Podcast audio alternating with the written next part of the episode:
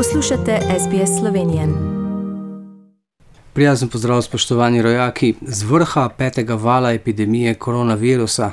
Vrh smo očitno že dosegli in presegli, saj je iz dneva v dan zaznati padec okužb. Nov režim testiranja pa je po oceni stroke ustrezen, dokler je okužb s koronavirusom v populaciji veliko. Ko se bo število okužb zmanjšalo, pa bo čas za prehod na prejšnji režim testiranja, ko je bilo za potrditev okužbe obvezno PCR testiranje.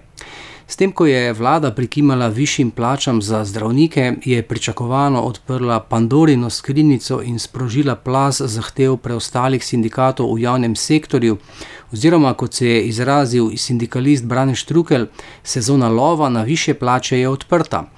Še več, napovedane so tudi že prve stavke. Štrukljev sindikat vzgoje, izobraževanja, znanosti in kulture bo prihodnji teden odločal o splošni stavki, napovedani za 9. marec. Sindikat zdravstva in socialnega varstva pa je po propadu pogajanj z ministrom za zdravje že napovedano stavko samo še potrdil in sicer za 16. februar. Vse torej kaže, da nas tik pred volitvami čaka še stavkovni val.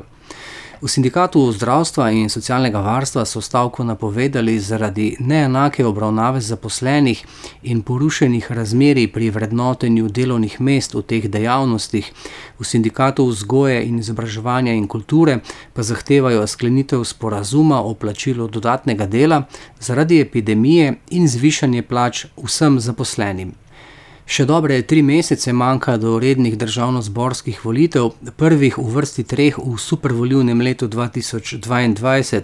Stranke se že precej intenzivno pripravljajo, skoraj vsak teden se namreč napovedujejo nova gibanja, liste in stranke ki se želijo potegovati za sedeže v hramu demokracije v prihodnjem mandatu. Državna volilna komisija pa je medtem odločila, da bodo voljivci, ki bodo na dan volitev v karanteni zaradi tveganega stika, lahko volili na voliščih skupaj z vsemi drugimi voljivci.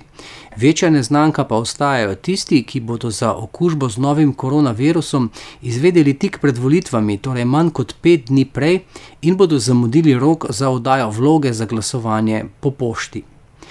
Pred volitvami se še dodatno krepijo tudi težnje po prerasporeditvi moči v slovenskem gospodarstvu. Poleg boja za kadrovske menjave v državnih energetskih podjetjih so zdaj tu še načrti kapitala, ki ga obvladuje sosednja Mačarska. V zadnjih dneh tako denimo odmeva načrtovana prodaja hotelov Sava mačarskemu kapitalskemu skladu, ki ga vodijo ljudje iz kroga mačarskega premjera Viktorja Orbana. Slovenska vlada pa, kot kaže, ne želi izkoristiti predkupne pravice za razmeroma nizko ceno. Delež prebivalcev Slovenije, ki za lastno eksistenco niso zaskrbljeni, pa se iz meseca v mesec povečuje in je tokrat celo malo večji od deleža zaskrbljenih, kažejo rezultati zadnje javnomnenjske raziskave agencije Mediana. Od decembra do januarja se je statistično pomembno povečal tudi delež tistih, ki menijo, da so vladni ukrepi primerni in da ne posegajo v osebno svobodo, in sicer iz 22 na 29 odstotkov. Spremembe so se med decembrom in januarjem zgodile tudi glede dojemanja prihodnosti. Delež tistih, ki menijo, da se bo običajno življenje spremenilo na slabše, se je prvič v zgodovini COVID-nih merjen od oktobra 2020 zmanjšal na manj kot 50 odstotkov in sicer je takega mnenja le še 46 odstotkov vprašanih. Za konec pa še športni opomnik in povabilo k spremljanju. Na pravkar odprtih 24 zimskih olimpijskih igrah v Pekingu se bo za vrhunske rezultate potegovalo 42 slovenskih športnikov in bodite prepričani, da bo prav vsak med njimi naskakoval čim boljše rezultate. To so bile novice za danes. Ostanite zdravi in vse dobro do našega naslednjega slišanja za SBS ali Šlednik.